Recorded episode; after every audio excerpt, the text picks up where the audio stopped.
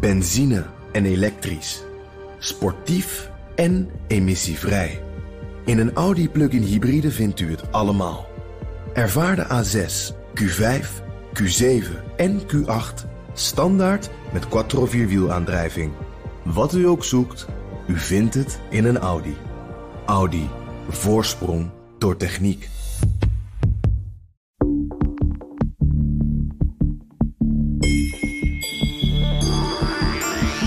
Studeerde technische natuurkunde in Eindhoven toen de TU's werden opgeroepen om geen Iraanse studenten meer toe te laten. Om te vermijden dat Iran te veel kennis over atoomwapens zou verzamelen. Wij grapten hierover met onze jaargenoot die een Iraanse achtergrond had. Maar ik weet nog dat ik ergens dacht: mag ik straks nog wel dat vak over kernenergie volgen? In de jaren daarop bleef China op de achtergrond, zowel voor mij als in het nieuws. Maar al sinds voor corona zijn er weer headlines en opiniestukken over China en Europa. Met termen als wantrouwen, oneerlijke concurrentie en zelfs systeemrivaal. In Duitsland gaat de roep op om overnames door Chinese bedrijven tijdelijk te verbieden. En ook in Nederland werd, met hulp van de overheid, IHC uit Chinese handen gehouden. In deze aflevering daarom de vraag: hoeveel invloed heeft China nog in Europa? Mijn gasten deze aflevering zijn Ardy Bouwers, sinoloog en oprichter van China Circle, en Joris Teer, geopolitiek analist die het adviesbureau Teer Strategy oprichtte. Mijn naam is Liao Wang en deze podcast wordt mede mogelijk gemaakt door het Leiden Asia Center. Joris, om met jou te beginnen. Jij kijkt als geopolitiek analist natuurlijk met een hele brede blik naar eigenlijk alle internationale betrekkingen. Kunnen we eigenlijk wel spreken van Europa als, als één geheel? Uh, nee, en ik denk dat dat een leidend thema is in uh, vrijwel alle internationale problemen die Europa aanvliegt. En dan denk ik dat je nog een onderscheid moet maken tussen Europa, wat gewoon een continent is met meer dan, uh, dan 30 landen, dan de Europese Unie met 27 landen die het ook vaak onderling over een hele hoop dingen oneens zijn, waaronder China.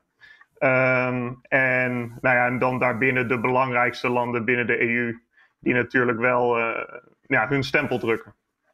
Ja, maar die, die, zelfs die zijn het lang niet altijd eens. Nee, dat klopt. Maar ik denk wel, uh, en dat, uh, dat is denk ik geldt in het algemeen voor voornamelijk Noord- en West-Europa en de Verenigde Staten, dat we een soort grondhouding kunnen ontdekken tegenover China, die radicaal veranderd is tussen, nou ja, pakweg 1990 en 2018, begin daarvan aan de ene kant. En dan 2018, het begin daarvan tot en met nou, eigenlijk waar we nu staan, midden in de coronacrisis. Hey, en Ardi, jij bent sinoloog en je geeft onder andere strategisch advies over China-gerelateerde activiteiten. Uh, hoe denk je dat China naar Europa kijkt? Ziet China Europa als één entiteit of eigenlijk ook als allemaal verschillende landen, waarvan de een ook misschien belangrijker is dan de ander? Ja, China is daar een beetje dubbel in. Um, als het uh, China uitkomt, dan uh, zal China, uh, ziet China Europa als uh, verschillend en zullen ze ook pro proberen om bilaterale betrekkingen te hebben en op, op die manier uh, als zeer groot land, wat China natuurlijk is, um, ook veel invloed kunnen uitoefenen binnen die bilaterale betrekkingen. Maar met enige regelmaat hoor je ook uh, Chinese politici en bestuurders klagen over dat er niet één Europa is waar ze mee zouden kunnen handelen. Um, dus als het uitkomt, zien ze Europa, zouden ze Europa graag zien als een eenheid. Maar in de praktijk komt het ook best wel vaak goed uit om gewoon per land een eigen, eigen betrekkingen te hebben. Ja, en dan vinden ze dat misschien ook wel handig dat dat gewoon kan. Ja, absoluut. Ja. En, en als we even teruggaan naar eind 2019, dus, dus eigenlijk voor de corona-uitbraak. Um, Joris, jij gaf net al even aan van er is wel een bepaalde lijn te ontdekken in, in de Europese grondhouding naar China. Hoe zou je die op dat moment omschrijven? Ja, ik zou. Ik denk eigenlijk dat dat breekpunt al een, een stukje eerder is gekomen. Namelijk dat de, het afschaffen van de termijnlimieten van Xi Jinping, dat dat een enorme schokgolf door heel het Westen veroorzaakte. Want daarvoor was er nog eigenlijk het idee van China uh, als een economische macht. Geleid door eigenlijk vrijwel apolitieke managers. En als je daar maar lang genoeg economische en culturele uitwisselingen mee had, als zijnde het Westen, ook komend vanaf een moment van hoog zelfvertrouwen, namelijk die Sovjet-Unie ontbond zich. En heel Oost-Europa, of nou, het grootste deel van Oost-Europa kwam bij de NAVO, kwam bij de Europese Unie. en voerde een democratisch systeem in. Dus ik denk dat dat afschaffen van die termijnlimieten voor, van Xi Jinping in één keer een streep door uh, die deels wensgedachte en deels verwachting heeft gezet. En ik denk dat dat heel erg de grondhouding uh, veranderd heeft. Plus een aantal extra gebeurtenissen, ook in 2018, 2019, die dat vermoeden aan voornamelijk West- en Noord-Europese kant en dan Amerikaanse zijde heel erg versterkt hebben. En, en wat veranderde dan, of wat was er dan zo belangrijk aan het schrappen van die, uh, van die termijn?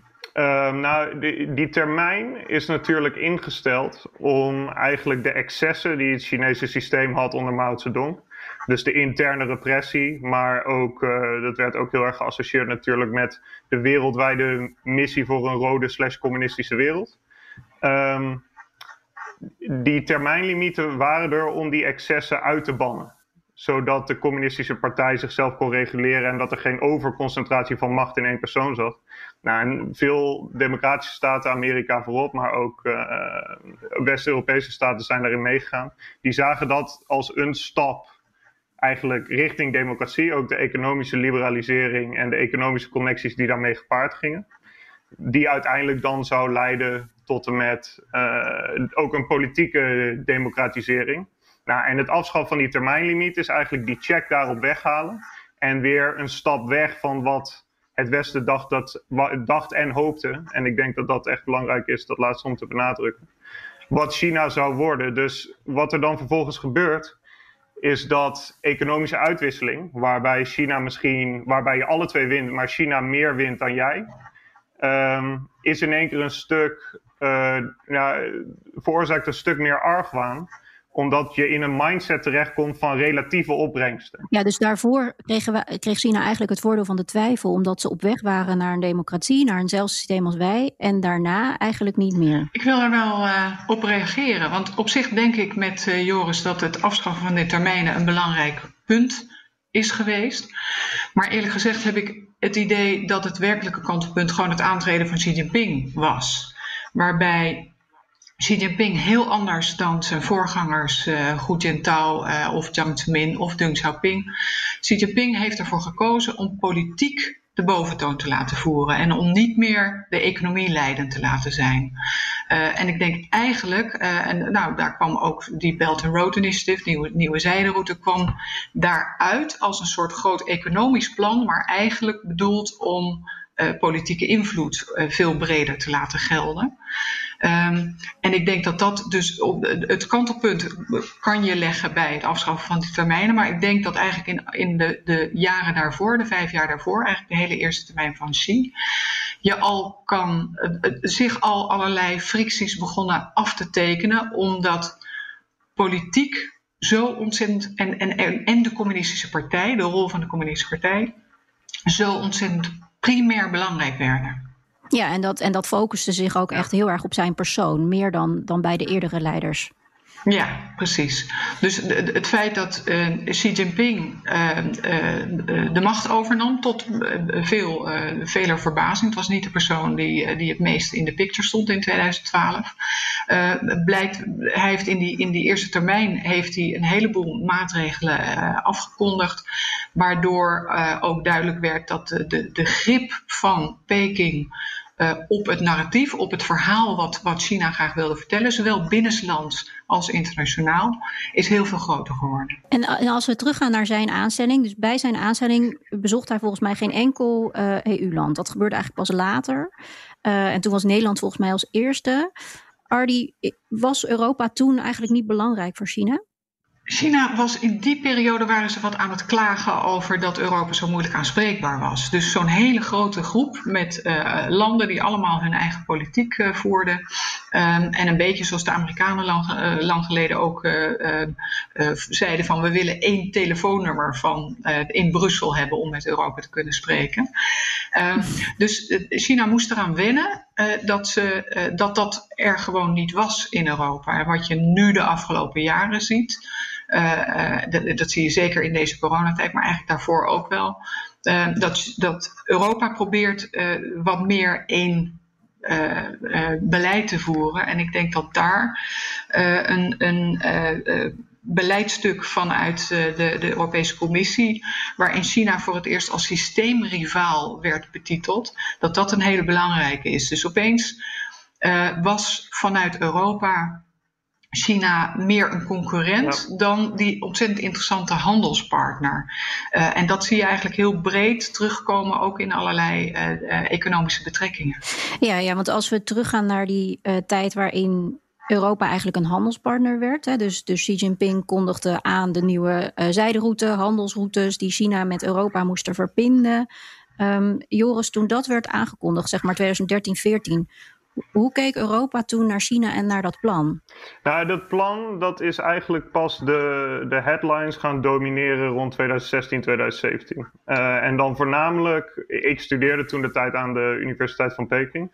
En voornamelijk daar hadden we het er heel erg over. En zodra we dat terugstuurden, als ik het daarover wilde hebben met vrienden die geïnteresseerd waren in Europese integratie, of vrienden die geïnteresseerd waren in interventiepolitiek in het Midden-Oosten, of nou ja, de vele crises, ook de vluchtelingencrisis, waar Europese Unie toen de tijd doorheen ging, dan wisten zij eigenlijk niet zo goed wat dat was. En ik merk in mijn omgeving dus wel mensen die zich erg veel bezighouden met politieke risicoanalyse, maar die niet specifiek op het China-dossier zitten. Dat termen als de nieuwe zijderoute, daar kwam echt enorme interesse in eind 2018, begin 2019 in het Nederlandse publieke debat. En, um, Hoe denk je dat het komt dat het zo lang heeft geduurd, terwijl dat voor China eigenlijk al heel erg belangrijk was toen? Nou, ik denk dat Europa heeft natuurlijk gewoon uh, in het kort een decennium van crisis meegemaakt. En dat begint met uh, gewoon de kredietcrisis, die directe gevolgen daarvan, dan blijkt dat enorme gevolgen te hebben voor de eurozone. Um, nou ja, de, je weet, de, de rol van een bail-out, een derde bail-out aan Griekenland, speelde een enorme rol in Nederlandse verkiezingscampagnes bijvoorbeeld. Dan krijg je daarna een vluchtelingencrisis die de headlines uh, domineert. Dus we waren gewoon te intern gefocust. Precies, en daarna die Brexit. En uh, nou ja, tegelijkertijd, als je een land als China hebt, wat ondertussen met 6% doorgroeit, uh, wat daadwerkelijk een ander uh, politiek karakter aan het krijgen is. En waar je verder en verder mee verweven raakt, terwijl je niet heel duidelijk oplet wat zijn je eigen strategische belangen daarin, omdat je iets anders aan het doen bent. Um, ja, dan, dan word je dus in de realiteit wakker waarin we wel vandaag zitten. Ja, dus wij waren afgeleid en intussen uh, werden er havens uh, opgekocht in Griekenland, um, werden er spoorverbindingen aangelegd in Hongarije. Um, Ardi, als je naar dat soort voorbeelden kijkt, hoe is dan de wisselwerking tussen China en, en het ontvangende land? Uh, dat scheelt erg per land. Dus de, de, haven van Piraeus was eigenlijk het eerste grote uh, investeringsproject, zichtbare investeringsproject van China in een Europees land. Uh, waarbij uh, ook duidelijk werd dat er gewoon strategische belangen achter zitten. Ze willen, wil, China wilde duidelijk een poot aan de grond uh, in verbindingen met, met Europa. En is begonnen met Griekenland, waar Europa hele, Joris zei het al, hele strenge eisen aanstelde um, op financieel gebied. Europa was niet bereid om te investeren in Griekenland. Ze moesten zelf um, hun financiële zaken maar op orde krijgen. En China is in dat gat gesprongen. Vervolgens uh, zijn ze ook met Portugal uh, aan de slag gegaan. Uh, ook een Zuid-Europees land wat, wat een, een, ingewikkelde economische um, situatie had op dat moment. en ze zijn met een aantal Oost-Europese landen aan de slag gegaan. Dus ze hebben heel erg gezocht naar landen die open stonden voor uh, investeringen uh, en een vriendschappelijk gebaar vanuit, uh, vanuit China. en die het misschien ook wel moeilijk hadden. Die eigenlijk ja, geen enkel ander land hadden om, om, om naar te kijken. Ja, daar zit dus ook echt wel een Europese keuze bij. Dat Europa heeft, heeft gewoon een streng beleid gevoerd. en de Italianen voelden zich daar bijvoorbeeld ook door in de steek gelaten. En dat kan je zelfs naar, naar nu doortrekken met, met de mondkapjes, uh, diplomatie en corona. Um, op zich, als je kijkt naar, naar cijfers uh, en naar hulp vanuit China en hulp vanuit Europa, dan heeft Europa uh, tot nu toe Italië ook behoorlijk gesteund. Er zijn ook allerlei hulpgoederen naar, naar Italië gegaan. Maar China is dat gaan doen met draaiende camera's. En die is daar allemaal journaal-items van gaan maken. Die heeft daar een enorme op de trom geroffeld. En Europa doet dat ook, maar geeft dezelfde steun, maar doet dat niet met tromgeroffel. Uh, en dat betekent dat een, een, bevolking in Italië meer onder de indruk is van de Chinese steun dan van de, van, dan van de steun vanuit Brussel.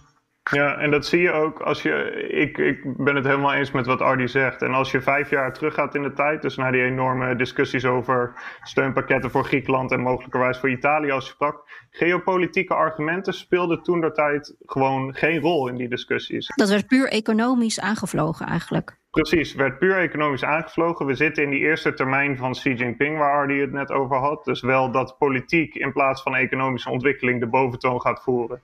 Waarin China heel duidelijk ook zijn nationale belangen naar voren legt. Um, maar in de Nederlandse discussie was dat niet echt een groot punt. In de Duitse discussie ook niet.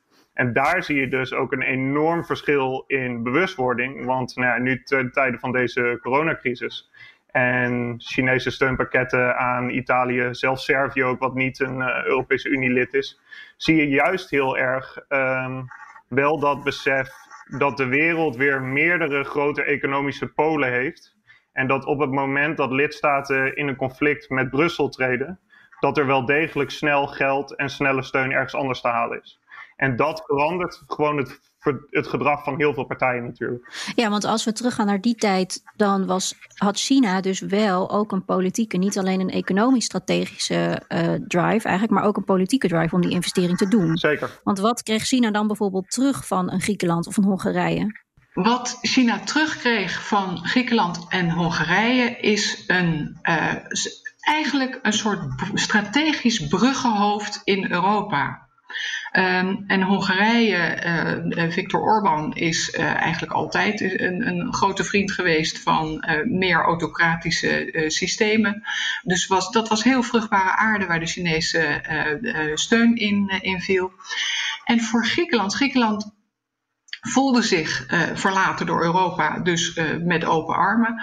Ook Griekenland, het feit dat daar een haven voor de helft, want niet de hele haven is overgenomen door de Chinezen, de, voor de helft door Chinezen kon worden opgekocht en kon, kon worden geëxporteerd.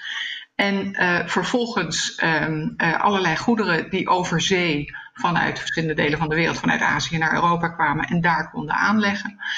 Um, ik denk dat het voor China echt belangrijk is, uh, alleen al psychologisch, dat er dit soort bruggenhoofden waren, werden gelegd in andere delen van de wereld.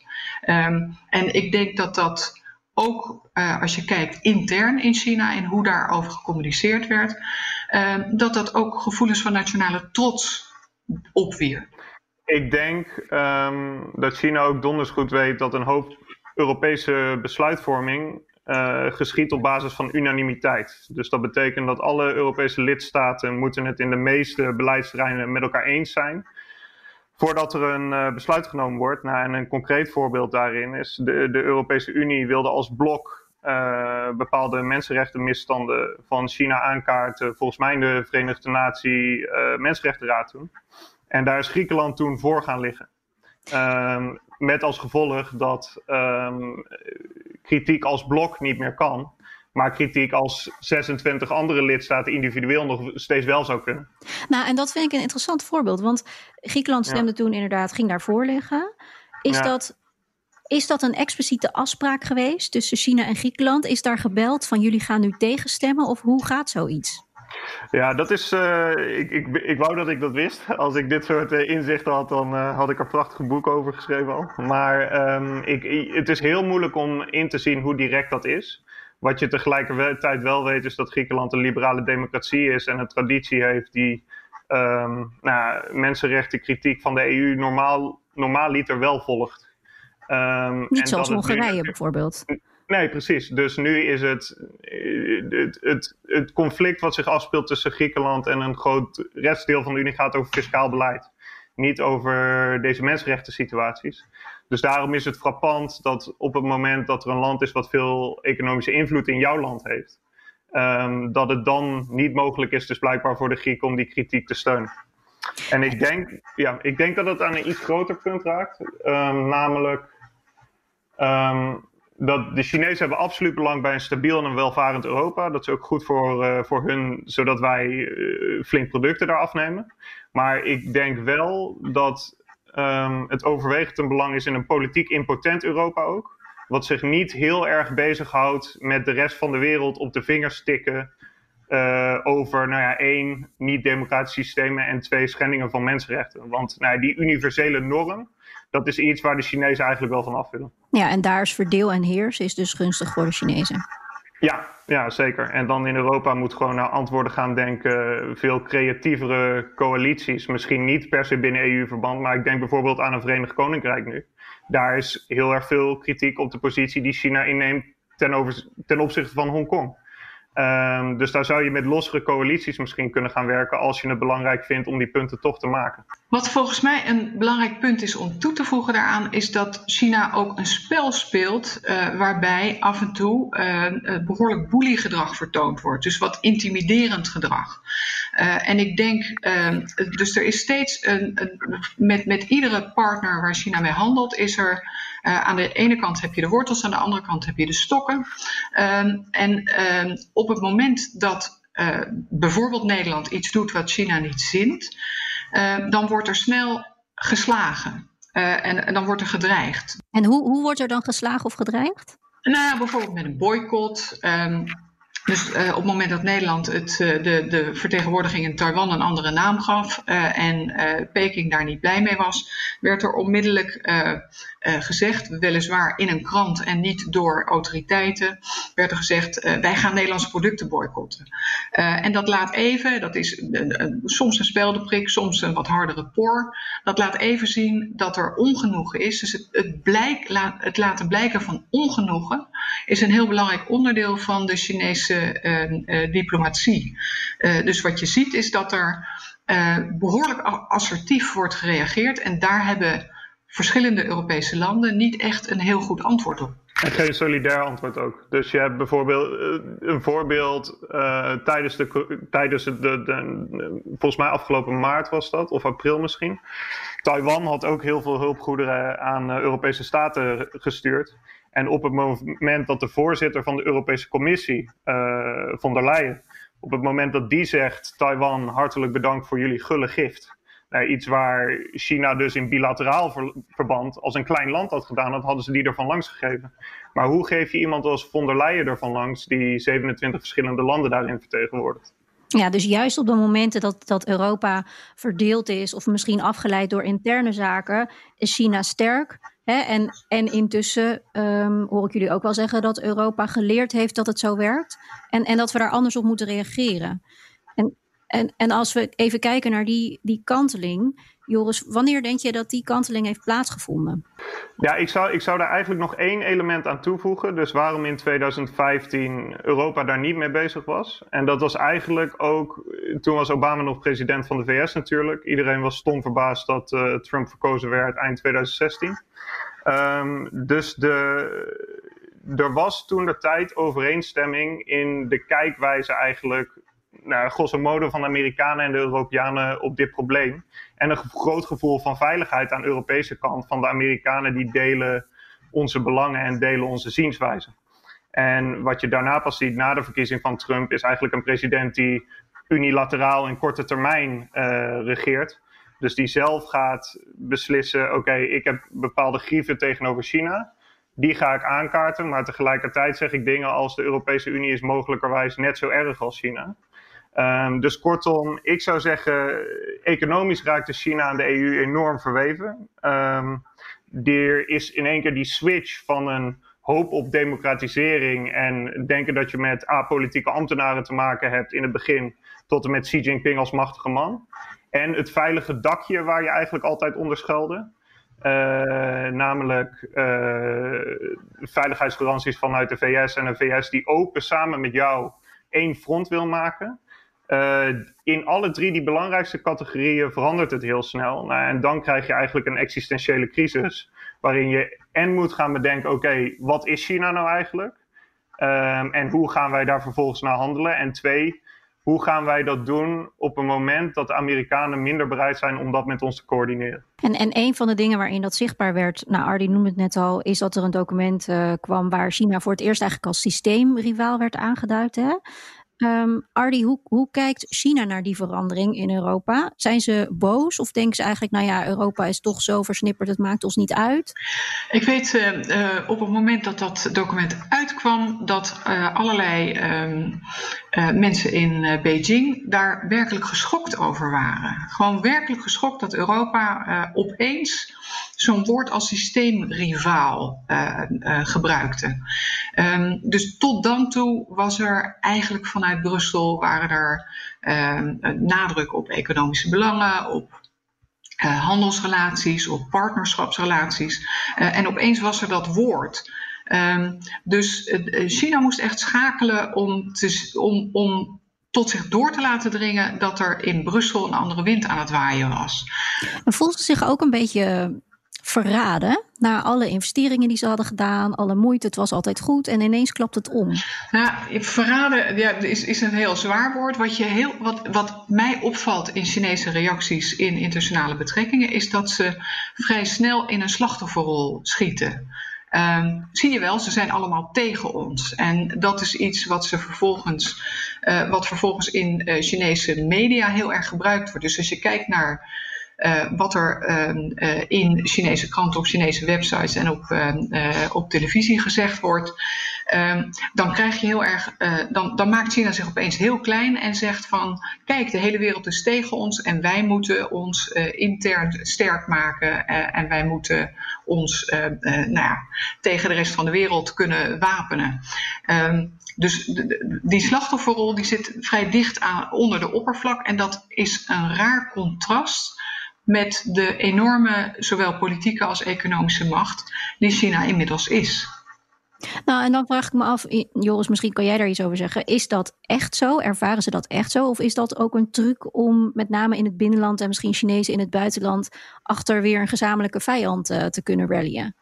Nou ja, het, uh, de Chinese mythe van de eeuw der vernedering en slachtofferschap en, en westerse dominantie van mensen die uh, nou ja, buitenlandse partijen die ons nog steeds klein willen houden en onze rechtmatige plek onder de zon niet gunnen, is een leidend uh, narratief binnen vrijwel alle Chinese propaganda. Uh, en ja, um, um, en ik zou, ik zou eigenlijk aan wat zei nog toe willen voegen. Um, er zit nog een jaar ongeveer tussen het afschaffen van termijnlimieten van Xi Jinping en dat de Europese Unie dit echt formuleert als systeemrivaal. Uh, namelijk begin, eind 2018, begin 2019. En daar heb je een aantal mensenrechtencasussen. Dus de eerste uh, berichten over de massa-internering van Oeigoeren komt naar buiten.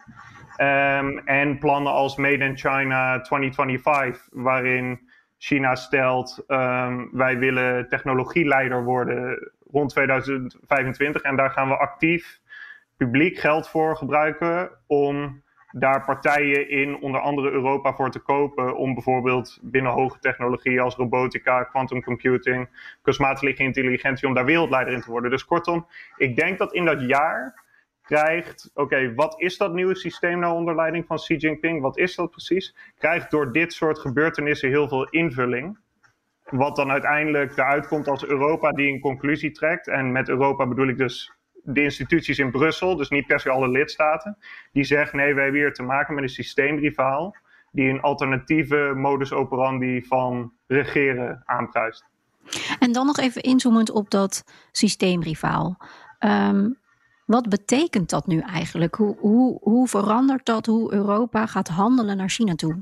Ik denk dat um, Europa, Joris zei het eerder al, uh, wakker is geschud. Um, uh, en dat is niet alleen Europa, dat geldt eigenlijk ook voor omringende landen uh, rondom China. Dus je ziet dat um, niet alleen bij regeringen en instituties, maar ook um, allerlei onderzoek onder bevolkingen, dat, dat in de afgelopen paar jaar mensen ontzettend veel, zeg maar het algemene publiek in verschillende Europese landen en in omringende landen rondom China en Azië, ontzettend veel kritischer is geworden op China. En dat, dat is voor een deel een reactie op de toenemende assertiviteit van China zelf.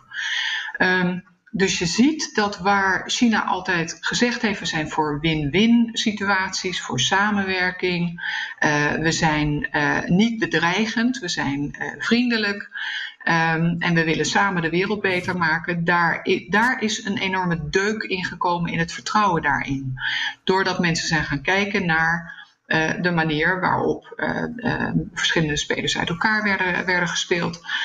en waarop de manier waarop um, Xi Jinping enorm praat over zelfbewustzijn van China en het belang van politieke eenheid, het belang van een sterk, een sterk leger.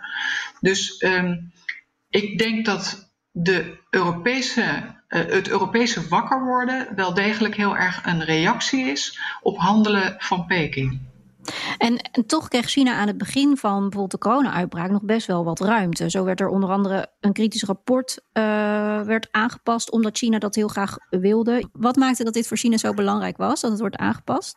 Nou, China is enorm rondom dat coronavirus. Uh, uh, is het voor China enorm belangrijk om het verhaal de wereld in te slingeren dat eh, China dat uh, virus volledig onder controle heeft.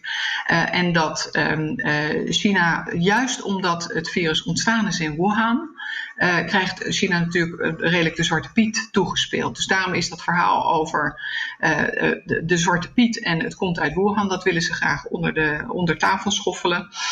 en laten zien hoe ontzettend succesvol China is in het ehm, beheersen van het virus. Nou, wat er in dat rapport gebeurde, is dat de, de, de Zwarte Piet wel degelijk aan China werd uitgedeeld. Um, en de, China heeft, op, uh, heeft daar druk uitgeoefend op de schrijvers van dat rapport om dat weg te halen. Nou is daar nog wel een. Wij zijn geneigd om daar uh, enorm op te reageren. Van zie je wel, China is enorme druk aan het uitoefenen en wij gaan daar allemaal, allerlei actoren gaan daarin mee. Als ik kijk naar dat rapport en naar, naar die passages die, die ehm, gesneuveld zijn als ik kijk naar het hele rapport, dan is het nog steeds een behoorlijk kritisch rapport vanuit Europa. Dus het is niet zo dat de hele toon van dat rapport opeens China uh, aardig is tegenover China. Um, wat de EU daar zelf over zegt is, ja, we kennen allemaal rapporten en je, je, schrijft daar allerlei dingen in en op een gegeven moment ga je dat wat editen en dan haal je een kritische passage hier weg en zet je hem ergens anders terug. Ja, dus eigenlijk gebeurt dit gewoon aan de lopende band en houden we, halen onze schouders erover op. Alleen omdat het nu China betreft, eh, wordt het heel groot. We dreigen in een reflex te schieten waarin we dat bij China uitvergroten. Terwijl als we zelf een rapport schrijven, we best wel begrip hebben voor het feit dat je op sommige plekken kritische passages weghaalt en ergens anders weer terughaalt.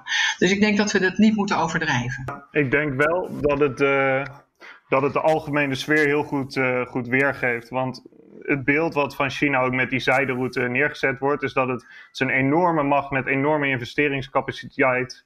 Uh, die zijn stempel gaat drukken op de wereld. Met nu ook nog als systeemrivaal. Wat natuurlijk gewoon een term die heel erg verwijst naar de Koude Oorlog is.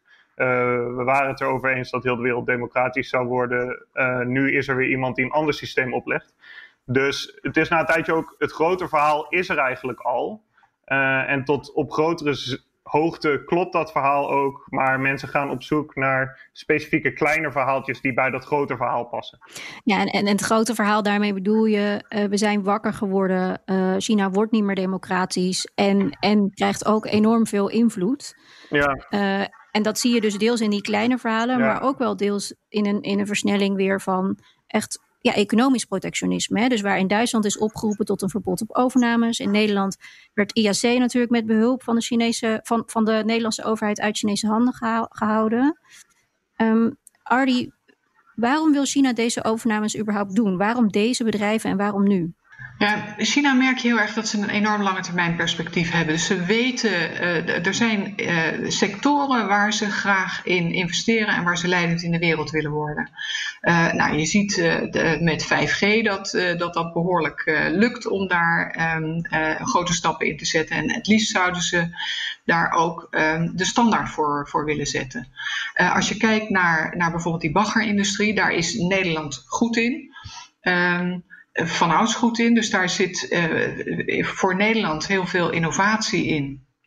Um, en voor Nederland is het ook belangrijk om, om dat te behouden. Niet alleen voor die baggerindustrie, maar omdat daar enorm veel uh, omheen zit uh, aan, aan technische kennis en innovatie die we graag voor Nederland willen behouden. Um, er zijn niet zo heel veel andere spelers. De Chinezen zijn daar, zijn daar groot in, de Koreanen zijn er groot in en de Nederlanders en de Belgen. Dus niks makkelijker dan daarnaar kijken, daarop enten en te kijken of je uh, dat, als je dat over kan nemen, dan heb je gewoon de hele industrie in handen. Zeker als ze nu een beetje verzwakt zijn. Ja, absoluut. Dus Joris had het eerder al over China 2025. Uh, de ambitie om op het gebied van artificiële intelligentie leidend in de wereld uh, te zijn in over tien jaar. Um, dat betekent uh, dat daar met name dus alles wat met innovatie te maken heeft en robotica, artificiële intelligentie, daar wordt enorm in, in geïnvesteerd. Uh, en ik denk dat het voor Nederland en de rest van Europa belangrijk is om onszelf achter de oren te krabben en te denken van ja, maar wat is voor ons belangrijk? In plaats van alleen maar te kijken naar die handelsbelangen, te kijken wat zijn voor ons strategische industrieën. En dan moet je natuurlijk niet alles meteen benoemen. Uh, en dat hoeft helemaal niet per se KLM te zijn, maar uh, bedenk wat werkelijk strategische industrieën zijn waar je een, een dam omheen wil opwerpen. En ik denk dat als het gaat om water en watertechnologie en alles wat daarmee te maken heeft, natuurlijk willen we daar in Nederland onze kennis over op peil houden. En dat betekent dat je de, de bedrijven die daar sterk in zijn, dat je, die ook, dat je daar wat, wat extra aandacht aan moet geven. Ja, ik ben, het hier, ik ben het hierin volledig met Ardy eens. En ik denk dat de twee dingen die dit extra prangend maken. Eén is, het is al fijn om gewoon in bepaalde industrieën marktleider te zijn vanuit economisch perspectief. Maar nu je ziet dat China zo politiek opereert en in termen denkt als, nou ja, binnen communistische partij communicatie ook het Westen verslaan, het verzwakken van liberale democratieën, omdat die een bedreiging vormen voor ons is er dus ook gewoon een zo sterke politieke drive om te zorgen dat de technologieën die hele sectoren van de economie in de toekomst gaan bepalen en die heel relevant zijn voor oorlogsvoering, dat je daar grenzen aan stelt. Um, of je die wil verkopen ten eerste nou, aan partijen die dus aan de communistische partij gelieerd zijn, dat is één. En de tweede is um, op het economische vlak ook nog de Chinezen zijn dus bereid om, of nou, de Chinezen, de, aangestuurd vanuit het centrum door de Communistische Partij, zijn staatsbedrijven dus bereid om publiek geld in te zetten om die partijen op te kopen. Wat natuurlijk tegen de principes van vrijhandel die we binnen de Europese Unie hebben. Het gaat hier om concurrentie. Als jij een goed product hebt, blijf jij over en dan kan je misschien andere bedrijven opkopen. Niet uh, iemand die daarin eigenlijk de kosten voor zichzelf verlaagt door allerlei publieke fondsen toe te voegen. Dus het roept twee vragen op. Eén, is het politiek niet enorm risicovol? En twee, um, kun je een open, vrije markttoegang geven aan China als zij dat niet tegelijkertijd ook aan jou bereid zijn te doen? Ja, want hoe gaan onze technologische bedrijven uh, concurreren uh, met die uit China op het moment dat de Nederlandse bedrijven geen toegang hebben tot overheidsgeld en de Chinese bedrijven wel? Precies, ja, nou dan kan je, denk ik, er zijn twee dingen waar je over na kan denken. Of je zou de drempels hoger kunnen maken, zoals zo'n Manfred Weber, de, de voorzitter van de Christen-Democraten in het Europees Parlement doet. Die zegt gewoon, nou ja, dan gaan we wetgeving schrijven over Chinese partijen die niet langer Europese bedrijven op mogen kopen. Dat is natuurlijk een paardenmiddel. Daar kan je over na gaan denken. Of je kan nadenken of je zelf een industriepolitiek in Europa moet gaan voeren. Uh, waarbij je wel staatssteun ook geeft aan bepaalde technologieën die wij bedankt, belangrijk vinden om te creëren. Dat ze alle twee kunnen. Maar om terug te komen op jouw voorbeeld, dus dat verbod uh, eigenlijk in Duitsland ook bepleit voor het verkopen van Europese bedrijven in die categorieën aan China. Zoals zo'n Manfred Weber nu voorstelt, eigenlijk voor de coronacrisis nu Europese bedrijven er zo slecht voor staan in het algemeen. Um, dat is eigenlijk een iets te brede reactie naar mijn inziens. Want wat Europa gewoon duidelijk moet hebben is wat zijn de strategische, technologisch hoogwaardige sectoren die wij het allerbelangrijkste vinden. Uh, dan mag je daar wetgeving voor maken. In plaats van dat je zegt, nou, in het algemeen kunnen Chinese investeerders geen bedrijven meer kopen. Want je zal maar een ondernemer zijn in Europa. In een strategisch niet interessante categorie, categorie voor de Chinese overheid. En je kan gered worden met Chinees geld. En er komt een overheid die eigenlijk doorslaat vanuit die angst voor China. Um, dan maak je de politieke risico's voor zo'n bedrijf alleen maar groter. Nou ja, precies. Als we de analogie met Griekenland uh, vijf jaar geleden trekken. Ik bedoel, hadden zij dan nee moeten zeggen tegen het enige land wat ze wel wilden helpen? Um, ik was ook nog wel benieuwd, want tegelijkertijd zie je wel dat China ook een knieval heeft gemaakt. Hè? Dus er mag een onderzoek komen, een onafhankelijk onderzoek naar het ontstaan van het coronavirus bijvoorbeeld. Um, Ardi, hoe, hoe, groot is dit gebaar? En, en zie je dan dat uh, Xi toch gevoeliger wordt voor internationale druk? Nou, dat zou ik niet onmiddellijk willen, willen concluderen. Ze heeft dat best op een uh, slimme manier gedaan, moet ik zeggen. Um, uh, het tekende zich af dat het echt belangrijk is voor um, het onder controle krijgen van het virus in de hele wereld, dat er onderzoek komt. Dus ik denk dat dat wel doorgedrongen is dat, dat daar niet onderuit gekomen kan worden. Um, wat Xi heeft gedaan is dat hij daar een voorwaarde aan heeft gekoppeld, namelijk dat eerst het virus volledig onder controle moet zijn. En dat is natuurlijk een flinke por richting met name de Amerikanen, die, uh, waar, het, waar, waar het coronavirus nog uh, behoorlijk welig tiert. dus er zit een enorme ehm, tijds klem op, waardoor dat, uh, dat onderzoek nog helemaal niet gaat beginnen. Dus uh, en, en, ik vind dat hij dat slim gedaan heeft. Laat zien dat hij bereid is om dat te doen, maar tegelijkertijd heeft hij voorwaarden ingebouwd, waardoor dat uh, op korte termijn nog helemaal niet gaat gebeuren. Nou, en ik zou eraan toe willen voegen. het is een bekende Chinese strategie die soms ook bij protestbewegingen binnenlands wordt toegepast. Namelijk als de druk zo groot wordt, dan geef je toe aan een deel van de belangen. Maar de eerste voortrekker van zo'n onderzoek, buiten de VS, en dat was in, volgens mij in dit geval Australië, die zich ook het allerhardste maakte voor zo'n onderzoek wat moet plaatsvinden, die voortrekker die bestraf je met tarieven. Um, zodat je toch een belang meegeeft in de toekomst voor andere partijen. Van ja, nou ja, georganiseerde tegenstand kan. Maar als jij de partij wil zijn die dat gaat initiëren, dan heeft dat gevolgen voor jouw relatie met ons. En nou ja, Australië is, als we soms klagen dat de EU ook asymmetrisch afhankelijk is van China. In Australië is dat honderd keer zo sterk. Ja, precies. En daarbovenop dan nog weer zal je ook zien dat op het moment dat dat onderzoek dan uiteindelijk toch echt gaat plaatsvinden, dan acht ik de kans niet heel groot dat Chinese volledige openheid van zaken gaat geven in Wuhan en uh, uh, rondom de, de Wuhan laboratoria. Dus er zijn nog heel veel hordes te nemen uh, voordat zo'n zo'n onderzoek werkelijk plaatsvindt. En als het plaatsvindt, is het nog maar de vraag of er echt toegang wordt genomen. Ja, dan, dan misschien als laatste samenvattende vraag aan jullie allebei. Um, hoe groot is de invloed van China nog in Europa? Ardy, wil jij beginnen? Ik denk dat de invloed van China in Europa zo groot is als wij hem willen laten zijn. Uh, en dat het dus heel belangrijk is dat wij huiswerk doen um, hoe, wat we willen met China. Uh, en China blijft een interessante handelspartner. Uh, blijft belangrijk om realistisch naar China te kijken. Um, en om niet in reflexen te schieten van uh, we willen helemaal niks meer over het, het grote gele gevaar. Joris? Um, we, zijn, we hebben invloed op elkaar omdat we economisch extreem verweven zijn met elkaar. Maar in die wederzijdse verhevenheid hebben zij meer drukpunten uh, dan dat wij hebben op dit moment. En die balans moet hersteld worden. De ambitie van China is helder: wereldleider worden, zowel economisch als technologisch als politiek. De ambitie van de Verenigde Staten is ook helder: wereldleider blijven. Wat betekent dat voor ons als klein Nederland in een gefragmenteerd Europa? Prioriteiten stellen en daarbij, wellicht flexibeler dan eerst, de juiste partners zoeken. Tot zover deze China-podcast. Dank aan mijn gasten Ardy Bouwers en Joris Stier. Deze podcast wordt mede mogelijk gemaakt door het Leiden Asia Center en is terug te luisteren via bnr.nl slash China-podcast, de BNR-app of je favoriete podcastplatform. Reageren? Dat kan via podcast.bnr.nl.